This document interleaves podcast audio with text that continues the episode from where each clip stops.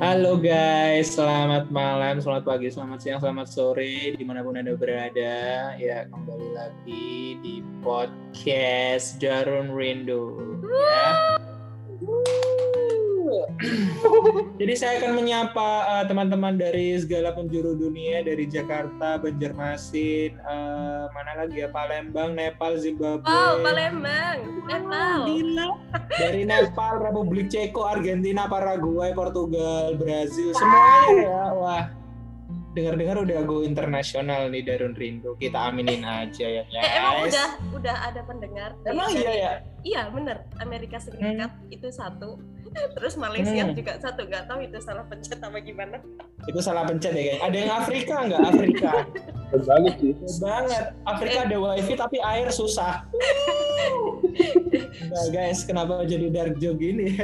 Eh, Him. ya, eh, malam hari ini. Saya, saya bentar, bentar, bentar. Ini Oh, iya. kayaknya ada suara-suara mengganggu yang, uh, itu siapa sih?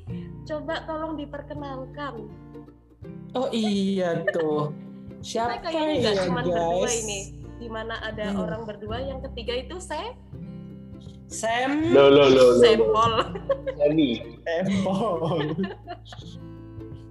Ayo perkenalkan dong, mau dikenalin apa memperkenalkan sendiri nih mas-masnya? Ya boleh deh. Ayo Him, kenalin. Ya perkenalkan semuanya. Dia mau kenal sendiri guys. Oh, iya, iya. Ini Oh, dengan pendengar. yang mulia siapa? Saya biasanya di kantor panggilnya Lord. Lord gak tuh, bener guys. Lord. Lord Raffi. Mas Raffi, halo apa kabar Mas Raffi? Halo, kabar baik. Jadi ini untuk pertama kalinya Mas Raffi ada di podcast Darun Rindu. Untuk yang ini pun kedua kali ya, tapi dia ganti nama. Oh iya. Ya, Tapi dia ganti nama. Kayak gitu. Eh, sebenarnya kita di sini tuh masih garis besarnya kita masih ngomongin tentang cinta nih, asik. Intinya kita itu bakal bahas cinta beda agama. Iya sih. Aduh, perih banget ya sih. Hah? Omo, omo, omo, Sudah omo. beda agama, oh my god. Sering terjadi ya ini Sering sepertinya. terjadi di kota-kota Di kota-kota besar maupun kota-kota kecil. kecil. Eh kemarin kan udah ya cinta sama seseorang yang nggak bisa didapat. Terus kita pernah bodoh untuk seseorang. Nah ini nih puncaknya nih cinta beda agama. Nah ada apa sih di balik itu? Hmm, jadi Mas Raffi ini ceritanya lahir dari sebuah cinta dengan beda agama. ya kan Mas Mas Raffi gitu ya. Sebenarnya kita Iya, udah betul, diceritain sih beberapa hari lalu dan itu nangis bombay banget. Dan aku itu ada secercah hidayah di hatiku. Mbak Darun, saya baru tahu loh ini. Oh iya, Him, kamu gak diajak kemarin. Sumpah, Iya, jadi kamu harus aku fokus. ke mana? Nggak tahu kamu lagi kamu di bulu mana. tangkis kemarin. Bulu tangkis. Iya, benar. Kita itu lagi ngobrol-ngobrol, nggak tahu gimana ceritanya, tiba-tiba nyampe aja obrolan sampai di situ. Kayak gitu.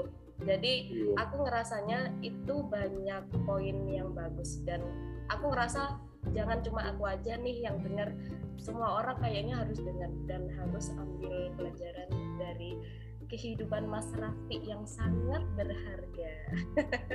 Silakan waktu dan tempat dipersilakan. Ya, bisa langsung aku mulai aja ya. Karena dulu itu eh, ceritanya nih eh, langsung aku sebut eh, itu adalah mereka yang melahirkan aku. Eh mereka salah satu maksudnya mama saya saya melahirkan aku.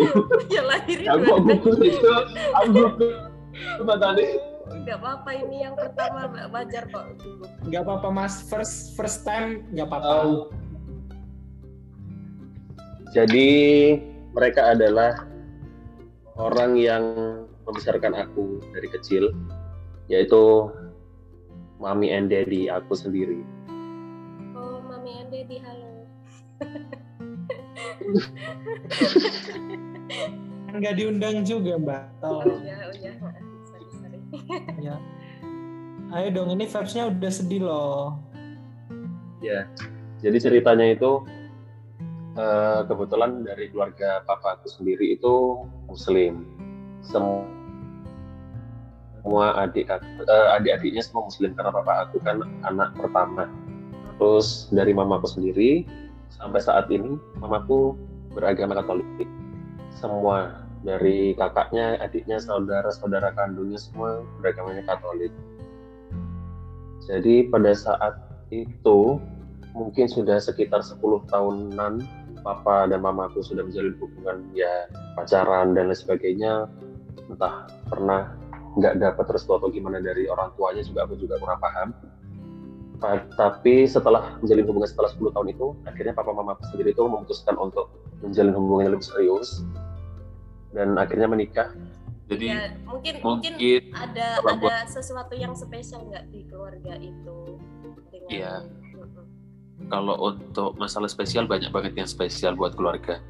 Cuman di sini pada saat yang kalau ditanya merasa saya bingung atau gimana uh, mungkin pada saat saya selama saya beribadah sampai sekarang ini saya sholat saya berdoa yang saya pikirkan sampai sekarang adalah apakah nanti kalau mama sudah dipanggil sudah kembali kepada Allah apakah doa-doa kita anak-anak sampai ke mama atau gimana itu sih yang sampai yang saya pikirkan sampai sekarang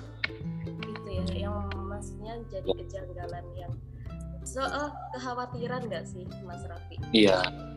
Kan Mas Rafi sekarang ikut ayah ya, muslim ya? Dulu dari kecil aku juga ikut ayah. Kebetulan kan aku bersaudara. Yang pertama kakak perempuan aku ini uh, memang pas pada saat mamaku ngandung, mengandung kakak itu sudah uh, orang tua mama sudah bilang kalau misalkan nanti anak, salah satu dari anakmu itu harus ada yang ikut kamu. Nah pada saat itu akhirnya kakak saya yang disuruh ikut mama untuk beribadah sesuai agama mama seperti itu. Jadi dulu itu uh, kakak sempat ikut agama mama, cuman papa kayak kurang suka gitu. Jadi pada saat kakak itu ikut mama ke gereja uh, papa dari kecil juga sudah mengajarkan kakak itu beribadah ya sholat ngaji dan sebagainya jadi pada saat kakak sudah mulai beranjak dewasa namanya sholat itu udah mulai sembunyi-sembunyi karena mama juga gak tahu sampai pada akhirnya. Mbak uh, kakak itu SMA baru terungkap semuanya. Di selama sholat jadi, itu masih sembunyi jadi awalnya diem-diem gitu ya? Iya jadi awalnya tuh diam-diam karena yang mama tahu juga kakak selama ini kan juga ikut mama ke gereja beribadah gitu. Karena juga mbak kakak merasa uh, mungkin kakak juga sudah menemukan apa ya? Bisa menem bisa memilih lah ya kan udah besar gitu. Bisa memilih sesuai dengan keyakinannya. Ya kakak juga dari kecil sudah belajar sholat dan belajar ngaji belajar semuanya itu ibadah sesuai agama Islam. Tetap ya dari kecil sebetulnya kakak juga sudah Islam sih menurutku. Cuman ke gereja itu kayak hanya sekedar ikut mama gitu iya. Ya. ya ampun iya aku nggak nggak apa nggak kebayang sih di posisi itu. Itu masih anak-anak gak sih Mas Rafi berat banget sih pasti. Maksudnya masih dalam umur berapa itu mbaknya itu harus memilih antara agama mama sama yang dianut papa kayak gitu uh, kalau untuk masalah memilih aku juga kurang paham ya karena dulu aku juga masih kecil banget. Tapi pada saat aku TK itu sudah mulai les ngaji dan sebagainya itu mbak kakak juga ikut ikut ngaji ikut les seperti itu. Jadi tetap tetap ya udah dari kecil udah ikut sholat dan sebagainya. Cuman pas pada saat masih kecil dari kecil TK di SMP akhirnya sampai SMA itu SMA sekitar kelas 1 kalau nggak salah itu sholat masih sembunyi-sembunyi kalau di rumah. Jadi ya sepertinya dari kecil pun Mbak juga sudah merasa kalau agama Islam ini sudah yang Mbak yakini yang Mbak tekuni gitu. Ya.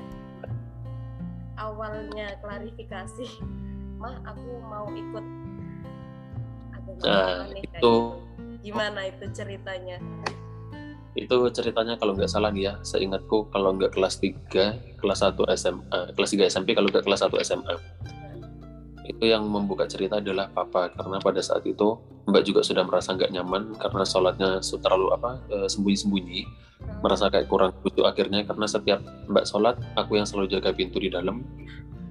Nah kalau nok pintu itu selalu nanya mana mbak?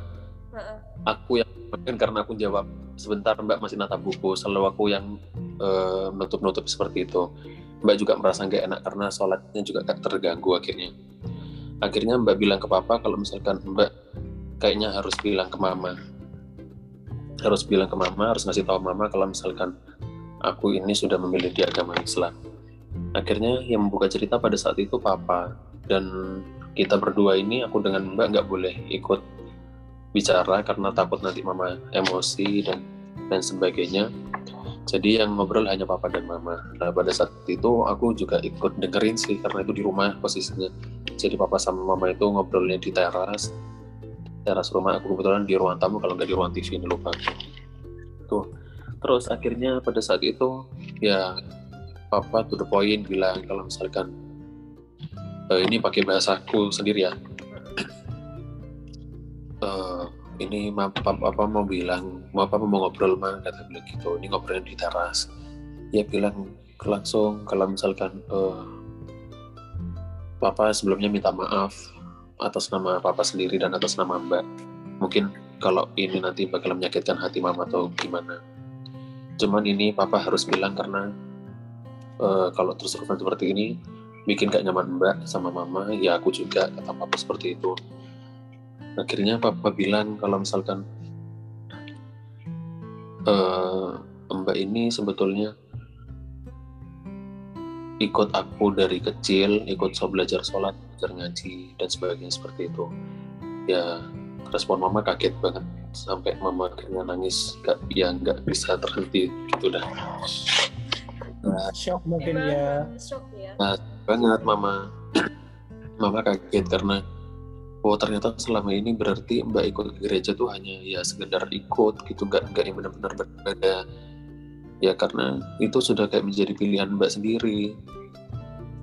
Ya terus akhirnya setelah papa bicara seperti itu ke mama ya udah cerita mama kayak ya wis gak bisa bilang apa-apa kayak cuma bilang ya wis lah ya, macam kayak gitu itu pilihan nih mbak. Cuman mama tuh kayak tetap ngerasa berat. Akhirnya kayak sempat nggak ngobrol nggak bicara sama mbak selama kurang lebih semingguan.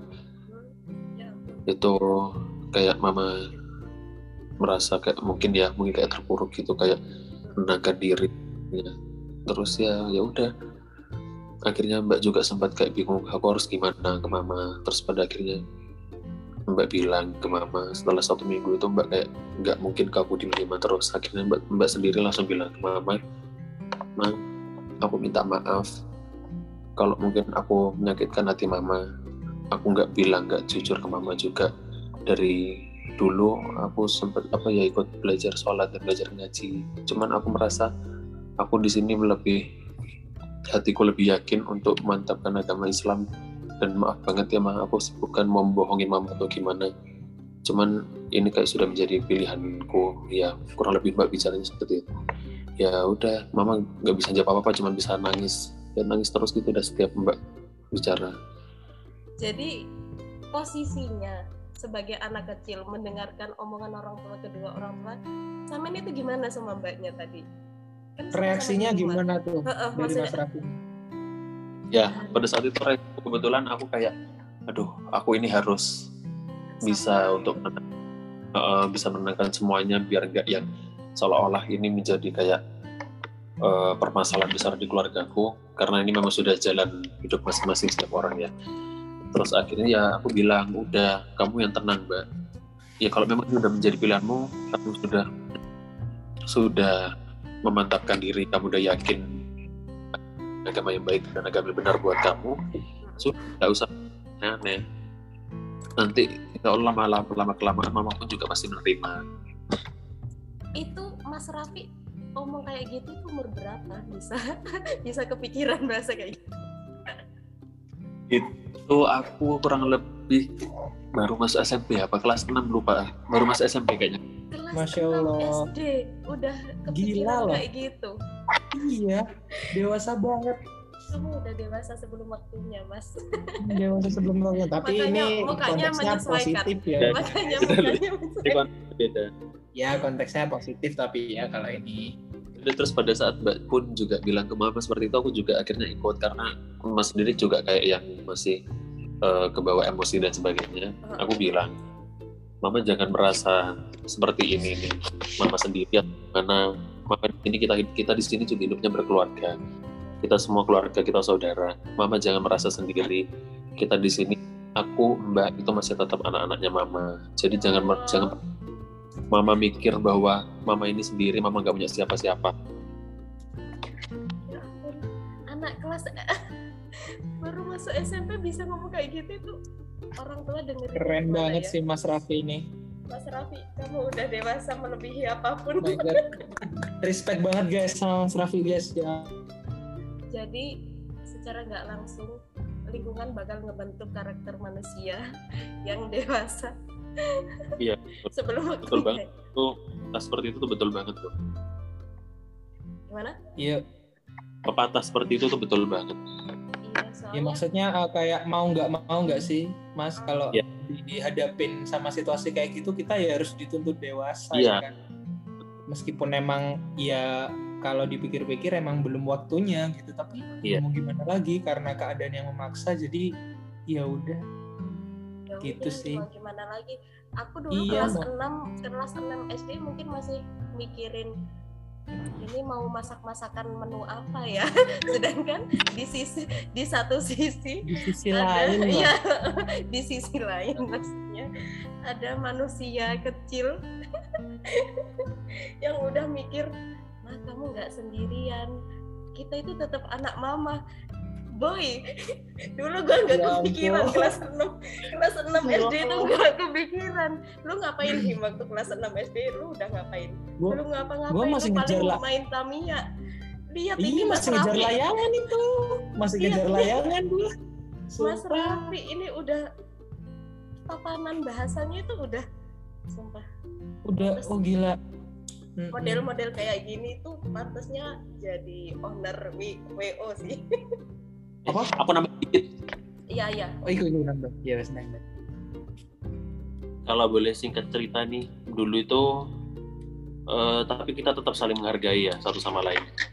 Karena dulu pada saat Mbak itu juga masih sering ke gereja ikut mama ibadah, aku pun saat Natalan aja tapi ya pada saat perayaan Natal itu ya ikut ikut juga cuman aku hanya sekedar ikut kayak anak kecil ikut-ikutan gitu aja nggak yang ikut gitu bacaan ya. Duduk ya duduk dapat kue dapat kue gitu biasa. Nggak babi kan posisinya? Bukan lah. Aku ngerti juga kan babi kira ini incip-incip enggak itu dan itu aku sampai ke eh, SMP kalau nggak salah.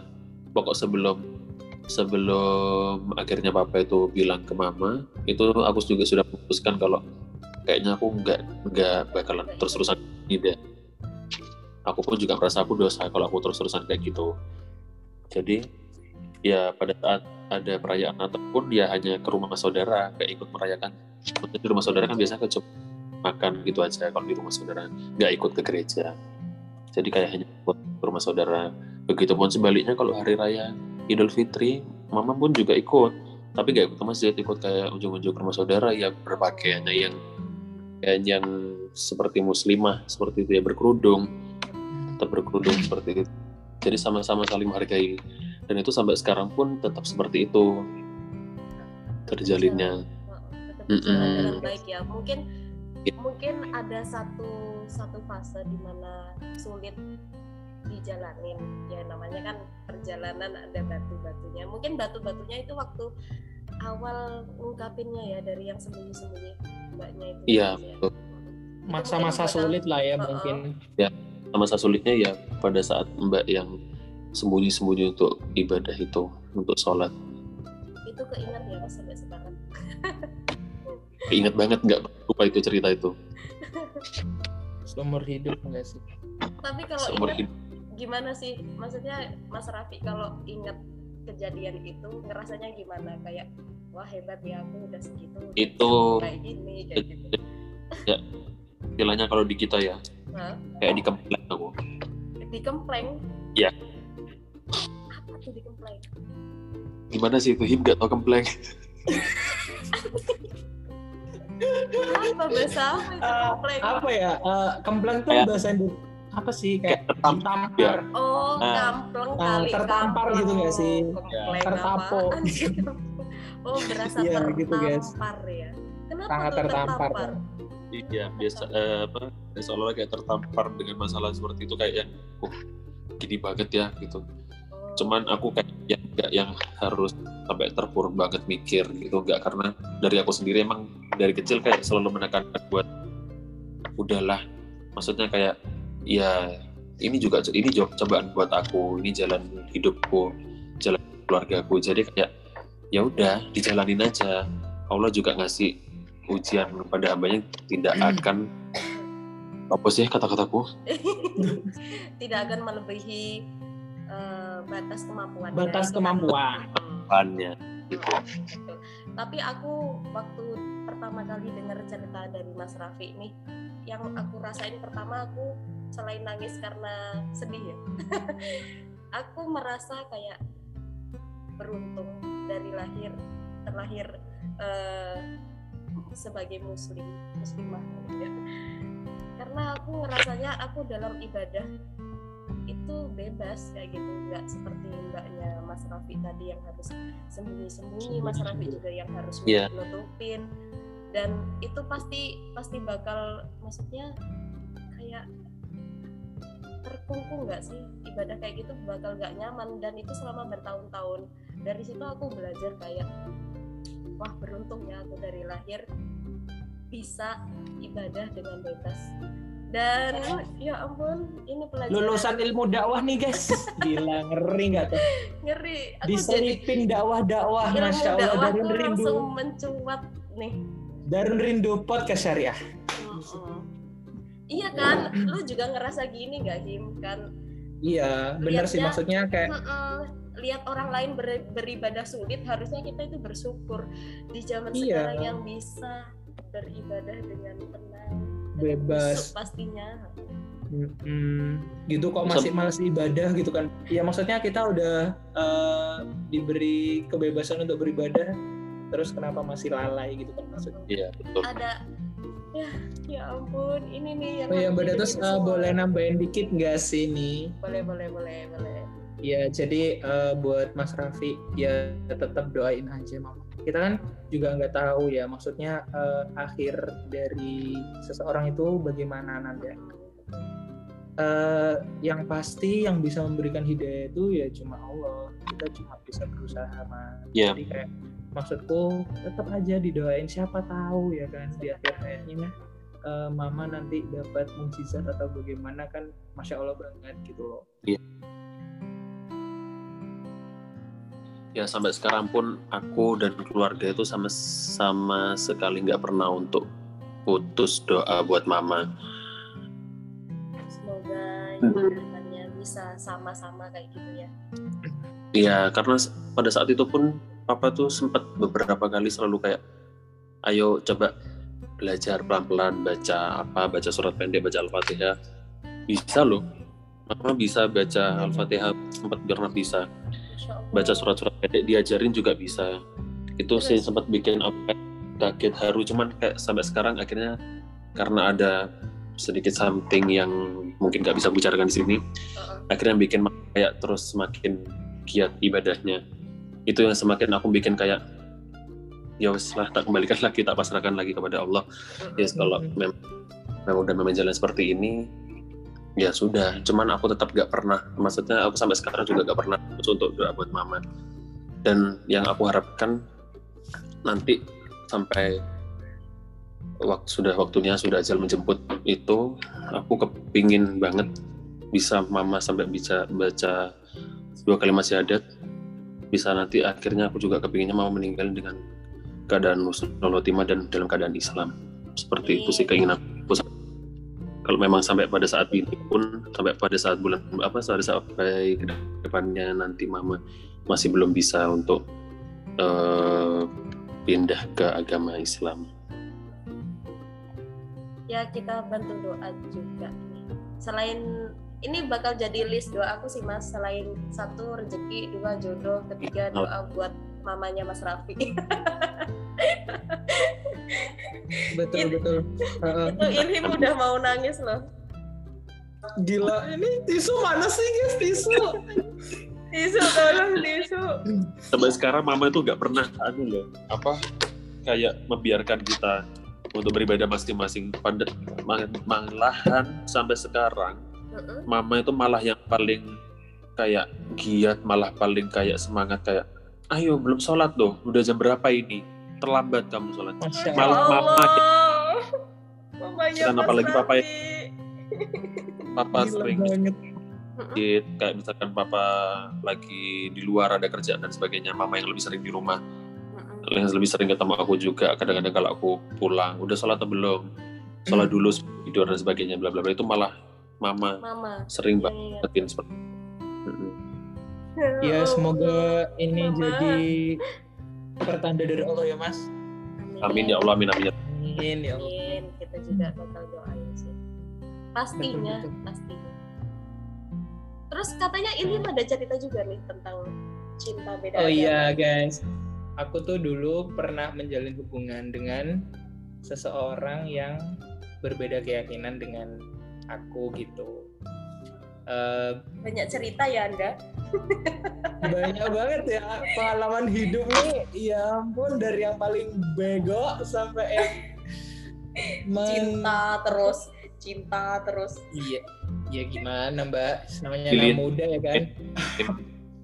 Apa? Di listrik mungkin. Ih, itu kalau Anda Mas Gila Raffi, ya. Anda yang bertahun-tahun itu di listri. Hei, gila kali enggak. Ya jadi eh, ceritanya tuh dulu waktu ini masih kuliah. Ya sebenarnya kita cuman eh, sahabatan aja sih. Tapi memang di mana-mana namanya seorang lelaki dengan perempuan jika bersahabat itu tidak mungkin tidak ada yang jika eh, seorang laki-laki dan perempuan Cewek ini Dan bersahabat cowok temenan, Mm-mm. pasti salah satunya bakal ada yang baper. Gua percaya Nah, sih. pasti Percaya ada yang banget. menyimpan rasa. Percaya banget, nggak mungkin nggak deh. Nggak mungkin nggak meskipun Sahabat lo ya, mereka sahabat lo ya. Ini sahabat, garis, iya, besar- garis, benar sahabat. garis besarnya, bukan temannya. Iya betul betul. Nah itu tuh, apalagi Korban nih, korban. berlabelkan korban, berlabelkan sahabat itu, aduh udah nggak mungkin banget tuh. eh, ini apa? Nggak ada yang menyimpan rasa dari salah satu mereka. Kebetulan ini eh, menjadi pengalaman saya pribadi. Nah gitu, jadi eh, awal mulanya eh, perempuan ini bernama Yuniar deh. Terus. Uh, jadi si Junior ini memang bersahabat sama aku. Jadi kayak temen sekelompok tuh di mana-mana matkul apa aja kelompoknya kelompokannya sama dia. Aku juga berlima sih satu geng gitu. Uh, jadi awalnya kita ya cuman sahabatan aja. Maksudnya kayak circle ya terus, udah. circle terus. iya iya iya kenapa ya mbak ya? Kok satu circle mulu nih? Emang hati lu sih yang parahin. Masa tiap Kasus circle lu baperin. Enggak gitu, soalnya kayak gimana ya kalau deket sama orang baru tuh aku susah banget. Kayak harus Ini temenan dulu. Gimana gitu. sih itu sama Junior, sama Junior? Nah, sama Yunar udah kan biasa aja. Maksudnya kayak ya udah eh, sahabatan doang. Terus kayak lama-lama aduh perasaan apa ini kan? Iya. Eh, jadi gitu. Terus akhirnya eh, kita menjalin deh hubungan. Tapi gimana ya? eh, nggak nggak banyak orang yang tahu gitu, Mbak. Apa namanya ya? Backstreet nggak sih Backstreet? Backstreet, oke. Nah, eh, jadi kita backstreet gitu. Eh, awalnya nih aku menggebu-gebu banget nih pengen pengen dia masuk Islam gitu. Eh, kayak Buat ya nambah apa ya? pahala lah ya. Iya, Buat nutup, kayak nutupin dosa-dosamu gitu. tahu sih. Iya, gila kali nih Mas Raffi ini. Eh, Mas iya, Raffi, gitu. kenapa Jadi, Mas Raffi? Iya, kenapa tuh gesturnya begitu? Seribu kali diulang. Iya, eh, kayak pertama kali itu aku menggebu- menggebu-gebu banget kayak, waduh ini kayaknya bisa deh nih tak anu, apa tak pengaruhin gitu kan ya Allah jahat banget. Maksudnya kayak akhirnya aku mikir ngapain ya kok eh, maksa-maksa gitu. Tapi aku nggak pernah maksa sih kayak cuma eh, tak selingin aja kayak misal kamu nggak oh aku tertarik lagi ba- apa? kamu nggak tertarik masuk agamaku gitu kan Nah, iya, maksudnya kayak eh, tak iniin aja, tak bercandain gitu. Tapi dia pun gimana ya? Karena lingkungannya memang Islam sih sebenarnya. Kayak teman-teman segengnya kan Islam semua tuh. Gitu. Nah, jadi eh ya udah, tapi lama kelamaan eh, aku tuh kayak ih ngapain sih mau maksain eh, agamanya orang gitu. Terus pada akhirnya tiba-tiba dia tuh cerita ke aku sambil nangis-nangis. Dia tuh bilang kalau kayaknya aku udah mantep deh mau ngomong ke papa kalau aku mau pindah ke Islam gitu. Aku nggak tahu ya Mbak gimana ceritanya dia sampai ke titik itu gitu kan.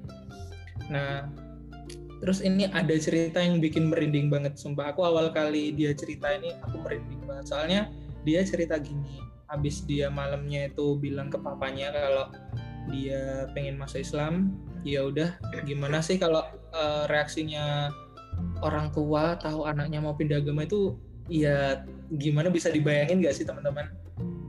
Gimana kecewanya, gimana eh, marahnya tuh kan se- seorang apalagi seorang ayah kepada anak perempuannya gitu. Terus akhirnya eh, si Junior nih kayak diceramahin gitu kayak ya udah nangis mer- mereka nangis. Papanya nangis si Junior juga nangis. Terus waktu malamnya dia tuh berdoa. Berdoa gini "Eh, untuk siapa pun Tuhan yang benar. Jadi dia nggak nyebutin salah satunya. Dia kayak minta pencerahan gitu loh. Untuk siapa pun Tuhan yang benar tolong datang ke mimpi saya. Tolong beri saya pencerahan tentang sebenar-benarnya jalan beragama gitu. Oke terus dia tidur tuh. Tapi ditungguin dua hari tiga hari dia nggak nggak apa ya gimana ya? Nggak dapat mimpi. iya nggak nemu petunjuk gitu. Terus tiba-tiba di hari ke empat atau kapan gitu ya dia tuh ini mijetin mamanya mijetin mamanya mijetin kakinya mamanya. Nggak tahu nggak ada angin nggak ada hujan nih. Terus mamanya tuh bilang eh Yun mama semalam mimpi sesuatu gitu.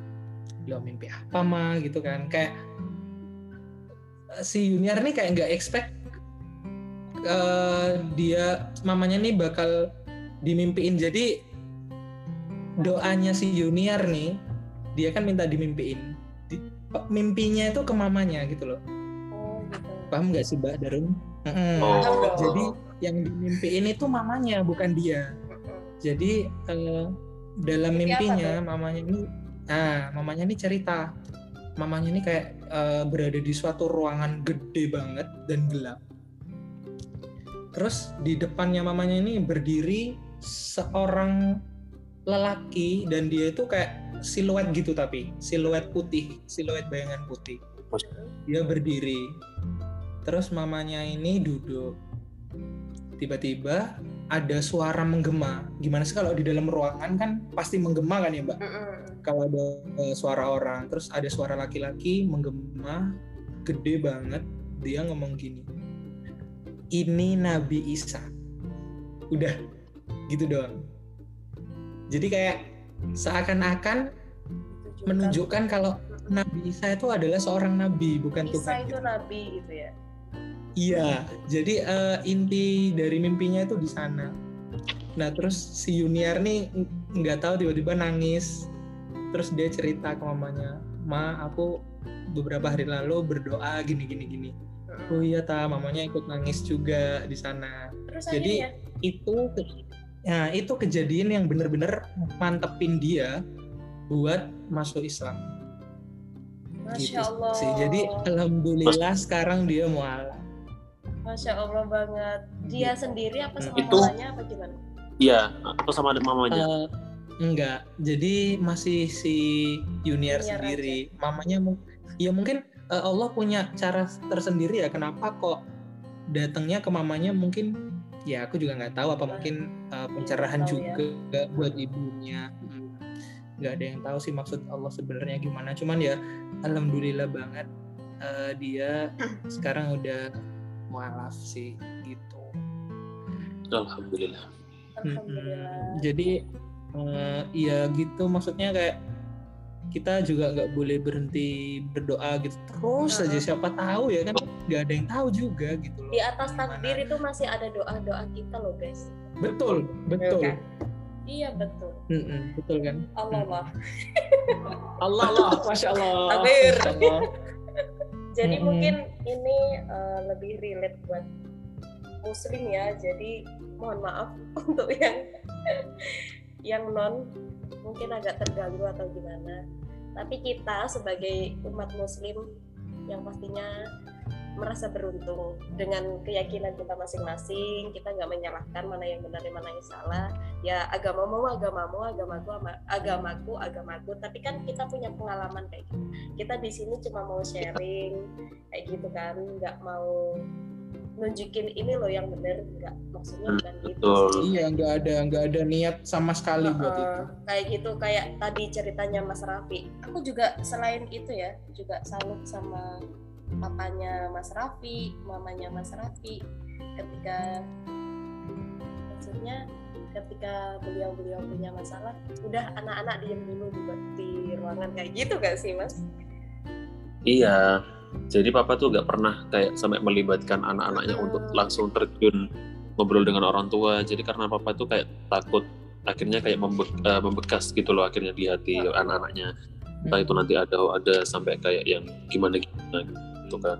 Pesannya Mas Raffi apa buat kita kita mungkin ada pesan dari papa atau mama yang pernah disampaikan ke Mas Raffi kayak gitu kita juga mungkin buat kalau- pelajaran boleh menyampaikan pesan yang pernah disampaikan. Kalau pesan dari papa yang selalu diucapkan itu kepada anak-anaknya adalah papa selalu bilang dan selalu ngingetin cukup papa yang seperti ini. Papa pesan buat anak-anaknya papa jangan sampai ada yang seperti papa. Papa aja yang merasakan seperti ini jangan sampai ke anak-anaknya papa. Itu papa bilang sampai sekarang. Dan dari aku sendiri sih, aku sangat percaya banget kalau eh, ya udah, maksudnya kayak Allah itu nggak bakalan ngasih ujian melebihi batas kemampuan hambanya. Jadi kayak ya wis sudah pasti ini sudah semua itu sudah diatur gitu loh. Udah Jadi nggak mungkin ya. yang sampai iya, nggak mungkin sampai yang ya gimana ya. Insya Allah semua hambanya pasti bisa melewati apa pun itu ujian yang diberikan Allah. Jadi kayak aku apa pun itu selalu tak kembalikan. Jadi kayak misalkan aku lagi kesusahan atau bingung apa, ya tak kembalikan lagi ke Allah karena memang ini sudah menjadi jalan hidupku, sudah menjadi takdir Allah walaupun masih aku bisa berubah dengan doa-doa. Gitu. Masya Allah terus mungkin dari Ilham mungkin ada pesan Hmm. pesannya jangan pacaran ya nanti gedenya kayak Ilham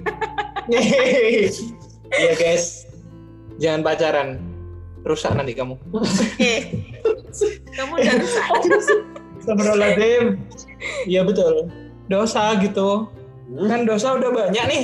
Jangan ditambah-tambahin. Udah kalau nggak mampu, mending berpuasa dulu. Oh, Masya Allah ini kajian subuh ya ya udah dika- dikasih closing yang seru dong di Darun Rindu Buat siapa pun, Buah duku, buah pepaya. buah duku, buah pepaya. I love you Iya. so much. Buah duku, buah semangka. apa Duka. gak jelas banget buah pepaya buah duren Cakep. ayo meeting gas Ayo meeting best friend. Bye bye. Terima kasih Bye. semuanya. Terima kasih pendengar setia Darun Rindo udah mendengarkan kami. Siap-siap di episode berikutnya. Siapa tahu bertemu kami lagi. Bye-bye. Bye.